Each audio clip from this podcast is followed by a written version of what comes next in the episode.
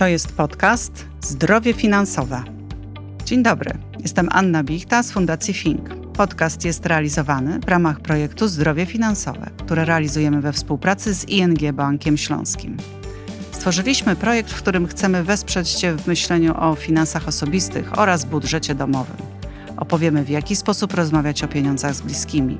Przekażemy dobre rady i wskazówki, aby jak najlepiej odnaleźć się w zmianie. Dowiedz się więcej wchodząc na stronę www.zdrowiefinansowe.pl, gdzie znajdziesz ciekawe artykuły, filmy, poradniki oraz wskazówki dotyczące gospodarowania finansami.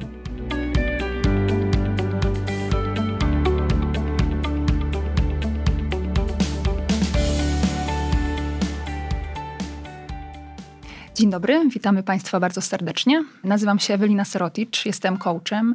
Na co dzień współpracuję z kobietami stojącymi na progu kryzysu. Jednak w ostatnich kilkunastu miesiącach dużą część swojej uwagi poświęciłam osobom, które próbowały odnaleźć się w rzeczywistości, nowej rzeczywistości. A ja nazywam się Tomasz Sobierajski, jestem socjologiem. To właściwie najważniejsza rzecz, która mnie definiuje. Prowadzę badania nad społeczeństwem, nie tylko polskim. I temat y, pandemii, tego co się stało, albo jak niektórzy nazywają eksperymentu społecznego, mnie jako socjologa oczywiście bardzo interesuje. Porozmawiamy teraz o tym, co byśmy mogli zrobić inaczej, gdyby okazało się, że za jakiś czas y, pandemia wraca nie mam dla nas dobrych wiadomości, może tak powiem. Y, I lepiej, żebyśmy się przygotowali na to, że pandemia wróci, niekoniecznie ta, ale może być inna, i wyciągnęli wnioski, po to się spotykamy. Ja myślę, że z pewnością nas to nie wystraszy tak, jak wystraszyło nas teraz. I na pewne rzeczy łatwiej nam będzie zareagować, y, lepiej będziemy się zachowywać, mniej moim zdaniem wygra z nami ten lęk, który się mhm. pojawia. Bardziej to właśnie się przerodzi w strach, bo już będziemy wiedzieli mniej więcej o co chodzi. I z pewnością nie zmarnujemy tego czasu na poziomie takim mówię tutaj z punktu widzenia naukowca na poziomie naukowym, bo widać, że to już zostało wykorzystane bardzo mocno. Ale co masz na myśli konkretnie? Mam na myśli to, że są zaplanowane i, i nie to, że ktoś jakoś to przewiduje i bo jak mówię zaplanowane, to od razu się kojarzy z jakimiś teoriami spiskowymi, ale są przygotowane różne sposoby reagowania na różnych poziomach na to, co ewentualnie w przyszłości może się wydarzyć, jeśli znów coś takiego się pojawi. Mhm. Mówisz teraz na poziomie państwowym, na poziomie poziomie. Mówię na poziomie światowym, mhm. ponieważ chociażby przykład y, szczepionek, mojego ukochanego tematu, pokazał, że ta współpraca światowa, wspólna różnych krajów, różnych firm, różnych organizacji doprowadziła do tego, że tak szybko można było znaleźć rozwiązanie. I to pokazało, że ta, to jest nazywane, nie tylko ja to tak nazywam, hiperwspółpraca, nawet nie współpraca, pokazuje, że jesteśmy też jako ludzkość, jako świat dużo szybciej na pewne rzeczy zareagować, mhm. bo i jesteśmy w stanie się jakby globalnie zjednoczyć nad tym, żeby, żeby jak najszybciej sobie poradzić z zagrożeniem. I to jest ogromna wartość, pokazująca też, że to, co wcześniej uważano, że jest niemożliwe, że na przykład niemożliwe jest, żeby ta firma współpracowała z tą, albo to państwo współpracowało z tym państwem to pokazało, mhm. że to jest możliwe i w moim odczuciu to się będzie rozwijać. To teraz ja będę y, pesymistką i powiem, że historia lubi zataczać koło. Powiem więcej, y, bardzo lubimy wchodzić w te same schematy i bardzo lubię taki przykład, który kiedyś ktoś mi podał. Wyobraź sobie, że masz las i w tym lesie ktoś wytyczył po prostu jakieś ścieżki i my po tych ścieżkach chodzimy. I jeżeli chcesz zrobić coś innego, to musisz maczetą wyrąbać sobie jakąś nową ścieżkę. Mało tego, musisz wyrąbywać ją regularnie, oczyszczać, żeby ona cały czas była jakby czysta, świeża i żebyś mógł nią podążać, ale jednocześnie nie możesz wchodzić na te poprzednie ścieżki, bo inaczej nie zarosną i one będą dalej bardzo żywe i obecne. I tak samo trochę jest z naszymi zachowaniami, że trudno mi uwierzyć, że na poziomie gdzieś tam zbiorowości, bo na pewno jednostki sobie jakoś poradzą, ale zbiorowo będziemy działać tak, jak działaliśmy dotychczas i obawiam się, że przed chwilą powiedziałam, że dużo osób zaczęło pracować nad swoimi relacjami ze sobą, z rodziną, ale rzeczywiście y, myślę, że pewne grupy powrócą do starych schematów. Na pewno tak będzie i ja nie mówię o tym, że nagle te wszystkie, nie wiem, czy firmy, czy państwo przestaną ze sobą konkurować, bo tak się nie stanie, ale mam przekonanie, że w sytuacji kolejnego zagrożenia one znów znajdą wspólny język i porozumienie. Na co dzień nie muszą się za bardzo, tak jak e, sąsiedzi w bloku, też nie muszą się kochać. Zresztą ja uważam, że nawet miłość międzysąsiedzka bardzo przeszkadza potem w relacjach i utrzymaniu dobrych relacji. Wystarczy, że znają reguły, zasady i dzięki temu ze sobą współpracują mhm. i są w stanie się unieść ponad, żeby zrobić dach i wyremontować dach. I tutaj coś takiego się stało i to bardzo, bardzo dla mnie jest optymistyczne. Rozmawiamy o dwóch różnych rzeczach, bo ty mówisz teraz o instytucjach i mówisz o jakimś takim ym, większym, szerszym aspekcie, a ja mówię o jednostce jako człowieku. No bo jestem socjologiem, więc mówię o instytucjach. No tak, mhm. a jestem coachem, pracuję z jednostką i właśnie myślę o tym Janie Kowalskim, o tej Annie Kowalskiej-Nowak, która y, będzie w swoim domu i która y, znowu, kiedy przyjdzie kolejna jakaś pandemia, będzie się zachowywała podobnie. Nie do końca, ponieważ e, te instytucje mają na tego Jana i na tę Annę wpływ. Nie zapominajmy o tym, że oni, to jak oni funkcjonują, jak oni działają, jest właśnie dzięki tym instytucjom. To, że oni na przykład teraz mogą wrócić w miarę do normalnego życia, jest dzięki działaniu i w hiperwspółpracy tych instytucji, bo są zaszczepieni. Mhm. Albo, że dostają jakieś, nie wiem, albo informacje, albo jakieś coś jest dla nich wyprodukowane właśnie dzięki tym instytucjom. Więc ja bym nie rozumiał rozdzielał tych instytucji od jednostki, bo jednostki i tworzą instytucje, ale też instytucje mają na jednostki wpływ i życie jednostek, jakkolwiek byśmy sobie wyobrażali, że to jest niezależne, że żyjemy własnym życiem i tak jak niektórzy powtarzają, że jestem wolny, mogę robić co chcę, bardzo proszę, na bezludnej wyspie. Jeśli jesteś w społeczeństwie, to jednak musisz się dostosować do tego, co to społeczeństwo i chcesz funkcjonować dobrze w tym społeczeństwie, to musisz dostosować do tego, co to społeczeństwo ci oferuje, ale też jakie obowiązki i powinieneś ponieść na rzecz tego społeczeństwa. Ja myślę, że warto tutaj to jakby doprecyzować i zawęzić, bo co do zasady zgadzam się z Tobą. Natomiast wolność też może być różnie rozumiana. I wydaje mi się, że z jednej strony powinienem się dostosowywać do społeczności, ale z drugiej strony mogę robić, co mi się chce w moim małym świecie i na co mam ochotę. I mogę jakby w swojej rodzinie i gdzieś tam w swojej maluteńkiej społeczności działać. Więc myślę, że to też jest ważne. Ale mm, widzisz, Ty tutaj mówisz o tym, że będą pewne rozwiązania. Zresztą już powstały pewne rozwiązania, dzięki którym nie będziemy powtarzać pewnych rzeczy, ale ja mam na myśli te schematy, które będą w rodzinach, które będą e, wśród ludzi mieszkających w samotności. To mam na myśli mówiąc, że będziemy powtarzać, bo będzie część, grupa osób, która widzi, że jednak ta pandemia już mija, więc ja z powrotem, jak się pokłócę z tym mężem, pójdę do tej kawiarni czy też do centrum handlowego i ja nadal nie będę dyskutowała i nadal nie będę nic y, robiła w tej sprawie. Mm -hmm. Więc y, to miałam na myśli. Jasne, no ale to może być też tak, że w jakiś sposób te, w, bo mówisz tutaj o rodzinie, ale rodzina z punktu widzenia socjologa też jest instytucją, mhm. więc i to czasami bardzo ważną instytucją, ale wiem oczywiście o czym mówisz i o czym rozmawiamy. Rzeczywiście jest tak, że patrzymy na świat przez pryzmat y, nas samych, naszej przestrzeni, y, nie wiem, metra 50, 80 czy dwóch metrów wzrostu i my odbieramy ten świat, często nie rozumiemy rozumiejąc, jak on działa, jakie są mechanizmy. Natomiast w moim odczuciu jest tak, że ta pandemia pokazała nam, że to nie ogranicza się tylko do tego świata naszego, ale te instytucje mają na nas wpływ i zrozumieliśmy też działanie tych instytucji, jak chociażby, nie wiem, służby zdrowia, znaczy opieki zdrowotnej, bo nie mówi się już służba zdrowia. Część z nas, spora część, nie korzystała z usług, no bo nie musiała, nie było takiej potrzeby, a w pewnym momencie musieliśmy się jakoś zorientować, jak to działa, przygotować się na to, do kogo mamy się zwrócić, kogo mamy zapytać, kim jest ratownik medyczny, jak ciężka jest jego praca, kim jest pielęgniarka, jak pracują lekarze, jak pracują szpitale, co to są szpitale jednoimienne. No i nagle okazało się, że, że to działanie instytucji, tych organizacji jest bardzo z nami sprzężone i z tego powodu warto o tym, też o tym mówić. Nie wiem, czy ty masz też trochę wrażenie, że my naprawdę chcemy to wszystko wyzerować i nie chcemy mhm. z tego wynieść tych dobrych rzeczy, które to przyniosło. Wracamy do kwestii wspólnotowości, tego, że pandemia uświadomiła nam, że jesteśmy bardzo od siebie uzależnieni, że nasze zdrowie jest bardzo od siebie uzależnione.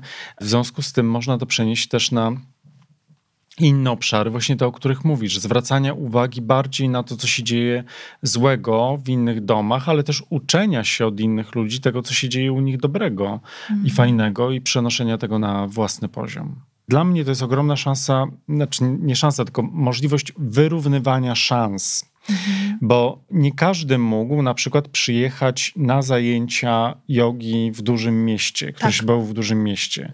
A w małym mieście dzięki internetowi mhm. mógł to robić. Tak samo ja widzę to na przykład na uniwersytecie, że nie każdy miał szansę studiować na dobrym uniwersytecie w dużym mieście, bo nie było go stać na to, a dzięki nauce zdalnej może mhm. taki uniwersytet skończyć. Oczywiście. Więc tu to równanie szans jest też bardzo, mhm. bardzo fajną rzeczą. Jeśli Tomku pozwolisz, to jak wspierać bliskich w nowej rzeczywistości, szczególnie dzieci. Jeśli pozwolisz, odpowiem mhm. na to pytanie i jestem też ciekawa Twojego zdania, ale rzeczywiście to pytanie bardzo często padało ze strony osób, z którymi pracowałam w trakcie pandemii i tak naprawdę wydaje mi się, że w momencie, kiedy czujemy strach, lęk, niepokój, bardzo ważne jest, żebyśmy poczuli bezpieczeństwo, a to bezpieczeństwo daje nam po prostu obecność z drugim człowiekiem. I dla dziecka jest bardzo ważne, żeby ten rodzic był blisko. Czasami my chyba też mamy taką tendencję, że musimy zawsze wszystko przegadywać i opowiadać i tłumaczyć, a czasami wystarczy po prostu pobyć, y, przytulić i powiedzieć, że wszystko będzie dobrze. I znowu to są takie słowa, które są y, teraz y, zbyt często używane, ale naprawdę dla dziecka słowo wszystko będzie dobrze może mieć ogromną wartość i znaczenie. Chyba też warto mówić o tych emocjach, które w nas siedzą. Dzieciom na pewno ciężej jest o tych emocjach mówić, ale nie starajmy się też przez dziećmi zgrywać takich supermenów i nie starajmy się pokazywać, że z jednej strony mówimy, że wszystko będzie dobrze, bo na pewno w końcu dobrze będzie, ale możemy też powiedzieć o tym, że się denerwujemy, że się boimy, bo kiedy nasze dziecko widzi, że my o tym opowiadamy, to wtedy dajemy jemu furtkę na to, żeby i ono opowiadało o tych swoich emocjach. Myślę też, że y, ważne w tym czasie jest to, żeby spędzać z dziećmi więcej czasu y, na zewnątrz, na dworzu, żeby pójść z psem na spacer, albo żeby po prostu pójść do tego lasu, a jeśli nie mamy lasu, to żeby pójść do parku, albo po prostu na zwykły spacer czy na rower. I to są takie y, proste metody, bo czasami jest tak, że zadając takie pytanie, jak wspierać dzieci, oczekujemy nie wiadomo jakich rozwiązań, ale proszę Państwa, w prostocie tkwi tak naprawdę odpowiedź. My ludzie potrzebujemy bliskości z drugim człowiekiem, potrzebujemy akceptacji, potrzebujemy miłości, potrzebujemy zrozumienia i mając te wszystkie elementy, po prostu jest nam łatwiej i myślę, że dzieciom jak hmm. najbardziej takie najprostsze metody najbardziej pomagają. Jest taka jedna zasada bardzo ważna, której się nauczyłem, jeśli chodzi o dzieci, że dzieci najwięcej uczą się przez towarzyszenie dorosłym. I mhm. my, wydaje nam się, że dzieciom możemy dać dużo właśnie wysyłając na jakieś zajęcia, co chwilę aktywując, że to dziecko musi coś robić. Właśnie to, co tak. powiedziałeś, że nie może poleżeć i popatrzeć w sufit, a okazuje się, że dzieci najwięcej się uczą właśnie, kiedy towarzyszą mm. tacie przy naprawianiu samochodu, e, mamie w kuchni, na spacerze, podczas zbierania grzybów, podczas jakiejś wycieczki e, w rowerowej. Wtedy rzeczywiście najwięcej się dowiadują o nas, o sobie i o świecie. Mm jak budować relacje w natłoku tylu pesymistycznych wiadomości i wydarzeń. Myślę, że w ogóle temat relacji jest bardzo szeroki i pytanie, czy chodzi o relacje ze sobą samym, czy z bliskimi osobami, domownikami, czy też w szerszym aspekcie, ale ja jestem zwolenniczką komunikacji, komunikacji, komunikacji, tak więc jeżeli chcemy zacząć od budowania jakiejkolwiek relacji, to może zaproponujmy jakiś układ, jakiś schemat. Słuchaj, chciałbym z tobą porozmawiać, chciałbym z tobą pobyć. Co ty na to, żebyśmy poszli na 15-minutowy spacer i w trakcie tego spaceru będziemy wspominać stare czasy, albo będziemy opowiadać o naszych planach, albo o pogodzie i ani razu nie poruszymy tematu związanego z pandemią. Mhm. I to jest taki pierwszy chyba element, żeby po prostu y, rozmawiać i umawiać się ze sobą na pewne rzeczy. To umawianie się jest jeszcze ważne w kontekście komunikacji, żeby na przykład powiedziałeś, że nie poruszamy słowa pandemii, czyli nie mówimy tego brzydkiego słowa na P. Na P, dokładnie. Ale na przykład może być tak, umawiamy się, że się nie obwiniamy. Mhm. Albo umawiamy się, że mówimy o tym, co ja czuję, a nie, że ty myślisz, że ja czuję. Mhm. I tego typu umowy. I to czasami jest trudne, hmm. ale nagle okazuje się zbawienne w tym kontekście komunikacji. Albo na przykład, że też wybieramy jakieś inne słowo, że widzimy, że w tej komunikacji pojawia się słowo bo ty ciągle, albo bo ty zawsze, albo tak. słowo zawsze nigdy. To są hmm. okropne słowa. Nie używamy słowa hmm. zawsze, nie używamy słowa nigdy. Tak, ja chciałam też o tym samym właśnie powiedzieć. Zresztą ćwiczę to na swoich domownikach i zauważyłam niesamowitą zmianę w reakcji mojego męża, kiedy y, zamiast mówić... Um, teraz wymyślę jakiś przykład, y, że dlaczego ty nigdy po sobie nie sprzątasz ze stołu? Mówię mężowi, słuchaj, kiedy po obiedzie ten stół jest niesprzątnięty, czuję się bardzo zmęczona i jest mi przykro, że muszę sama się tym wszystkim zająć. I kiedy mówię o swoich emocjach, kiedy mówię, co mi jest, co mi robi ten brudny stół, to mój mąż nie czuje się atakowany, tylko po prostu słyszy komunikat i łatwiej będzie mu później i chętniej zareagować w postaci sprzątnięcia z tego stołu, niż jak mu powiem właśnie, bo ty nigdy nie sprzątasz. I na pewno łatwo jest nam teraz tu o tym mówić i to bardzo dużo pracy wymaga wprowadzenie w życie czegoś takiego, ale myślę, że możecie Państwo na początek zaobserwować, w których momentach y, przychodzi Wam właśnie z taką łatwością obwinianie drugiej osoby, bo Ty za głośno mówisz, bo Ty zawsze, kiedy ja coś mówię, przerywasz, bo Ty nigdy mnie nie słuchasz. A zamiast tego powiedzcie, kiedy do ciebie coś mówię i widzę, że jesteś gdzie indziej myślami, czuję, że jestem sama z moim problemem, a mam taką wielką potrzebę, żeby poczuć, że jest ktoś obok mnie. Ale wiesz, Tomko, to też jest tak, że my w ogóle nie umiemy mówić, o, nie potrafimy mówić o swoich emocjach. Tak, tak. Natomiast my mówimy trochę o nawykach, a te nawyki można zmienić i tak jak, znaczy łatwo można nabrać pewnego nawyku i często nawyki kojarzymy z czymś złym, tak samo można nabrać innego nawyku i zadawać właśnie inne pytania albo mówienia o emocjach. Oczywiście musimy mieć po drugiej stronie osobę, która nas słucha, nie tylko słyszy. Mm, ale jest to absolutnie wykonalne. Te bodźce, które do ciebie docierają, fajnie, żeby zadbać o to, żeby były pozytywne. Na przykład y, zwróć uwagę na to, że najczęściej oglądanym filmem w pandemii były filmy o pandemii. Więc nie dość, że mieliśmy coś z zewnątrz, to jeszcze sobie dokładaliśmy, zamiast wybrać jakiś z tej oferty, jakiś wesoły film, coś, co nas podniesie na duchu. A to jest ciekawe, skąd taki, skąd, czy to są jakieś badania zrobione, że najczęściej wybieraliśmy tak, ten tak, rodzaj tak, filmów? Tak, A to, to, nie wiedziałam o tak, tym. Tak, bo to były na platformach streamingowych, rzeczywiście tak było i dołowaliśmy się i wybieraliśmy najczęściej jakieś dramaty, horrory, bo było nam źle, w związku z tym jeszcze bardziej się dołowaliśmy. A to jest taki moment, żeby a propos dbania o siebie, żeby zadbać y, o siebie nawet pod takim kątem i pod takim e, względem. Kwestia, nie wiem, odpowiedniej diety też. Wiemy, że, że w momencie, kiedy jesteśmy w stresie, powinniśmy coś bardziej jeść, czegoś mniej jeść. To też ma na nas bardzo duży wpływ. Ja znowu chciałabym tutaj podkreślić, że to są takie bardzo, bardzo proste rzeczy, że tutaj nie ma żadnych skomplikowanych rozwiązań i my jako człowiek, jako jednostka jesteśmy niesamowici w umiejętności radzenia sobie ze wszystkimi problemami, tylko tak sobie skomplikowaliśmy to życie, nałożyliśmy na to życie tyle różnych warstw, tyle różnych bodźców, że zapomnieliśmy o tym, że my sami jesteśmy w stanie sobie pomóc właśnie tymi najprostszymi metodami. A jako, że jesteśmy częścią przyrody, częścią natury, to te rzeczy związane z naturą y, są dla nas jakby najbardziej zbawienne i najłatwiej przychodzą nam i łatwiej nam się, najłatwiej nam się w ten sposób regenerować. Mhm. Podsumujmy tak, bo tak jak na początku zapowiadaliśmy, że ta nasza dzisiejsza rozmowa i ten webinar był po to, żeby, żebyście wszyscy usiedli na chwilę w tym swoim fotelu i zastanowili się nad tym, co było, ale też chcieliśmy przekazać Wam takiej dużo pozytywnej e, energii, chcieliśmy Was natchnąć pozytywnie. E, mam nadzieję, że nam się to udało. To tak, gdybyś Ty miał takie e, trzy punkty podsumowujące tutaj wskazać, to o co byś powiedział, a ja w tym czasie będę miała czas, żeby szybko pomyśleć o trzech punktach. A spryt, sprytna jesteś. Tak, dokładnie tak. Z mojego punktu widzenia najważniejsze jest to, że E, żebyśmy docenili, kto jest. Myślę, że doceniliśmy, ale nie zapomnieli, kto jest wokół nas, jakich mamy fantastycznych ludzi, że to nam pandemia pokazała, na kogo możemy liczyć i na kogo nie możemy liczyć, mm. niestety. Druga sprawa to jest podejście do naszego zdrowia, i w tej chwili, kiedy ktoś mówi, życzę ci zdrowia, to wcześniej było takie, o co za życzenia, a one nabrały w tej chwili mm. mocy i są istotne.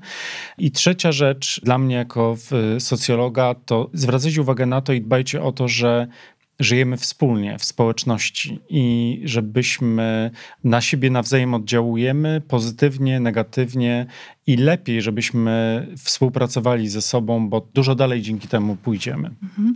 Ja bym powiedziała i jeszcze raz będę powtarzała do znudzenia: prostota, prostota, prostota. Nie potrzebujecie żadnych skomplikowanych rozwiązań, nie potrzebujecie żadnych złożonych y, rzeczy. Pomagajcie sobie, pomagajcie swoim bliskim w prosty sposób. A najprostszym sposobem jest okazanie drugiej osobie miłości, szacunku, akceptacji, obecność z drugą osobą, ale też komunikacja rozmawiajmy ze sobą, nie wstydźmy się porozmawiać, nie wstydźmy się powiedzieć, że się źle czuję. Nie musimy być superbohaterem, nie musimy być tym siłaczem, tą siłaczką, która wszystko poniesie na swoich barkach. Możemy czasami być słabi, możemy być czasami bezradni, możemy być smutni, bo jesteśmy ludźmi. A to tylko y, superbohaterowie y, na grach komputerowych mojego syna są tacy, hmm. wiesz, muskularni i strzelają tymi... Ale oni też mają swoje smutki, naprawdę. Słuchaj, mają tylko pięć żyć, więc jak już pięć żyć stracą, to niestety yy, koniec. Ale wszyscy jesteśmy superbohaterami. Mm, ja nie wiem, czy jestem super. Ja jestem zwykłym człowiekiem. A ja jestem. Aha, a ja nie. Ja dużo płaczę, krzyczę, czasami na swojego męża i na dziecko. Tak więc zdarza mi się takie rzeczy. Ewelina Seroticz. Tomasz Sobierajski. Dziękujemy. Do usłyszenia. Dowiedz się więcej wchodząc na stronę www.zdrowiefinansowe.pl, gdzie znajdziesz ciekawe artykuły, filmy, poradniki oraz wskazówki dotyczące gospodarowania finansami.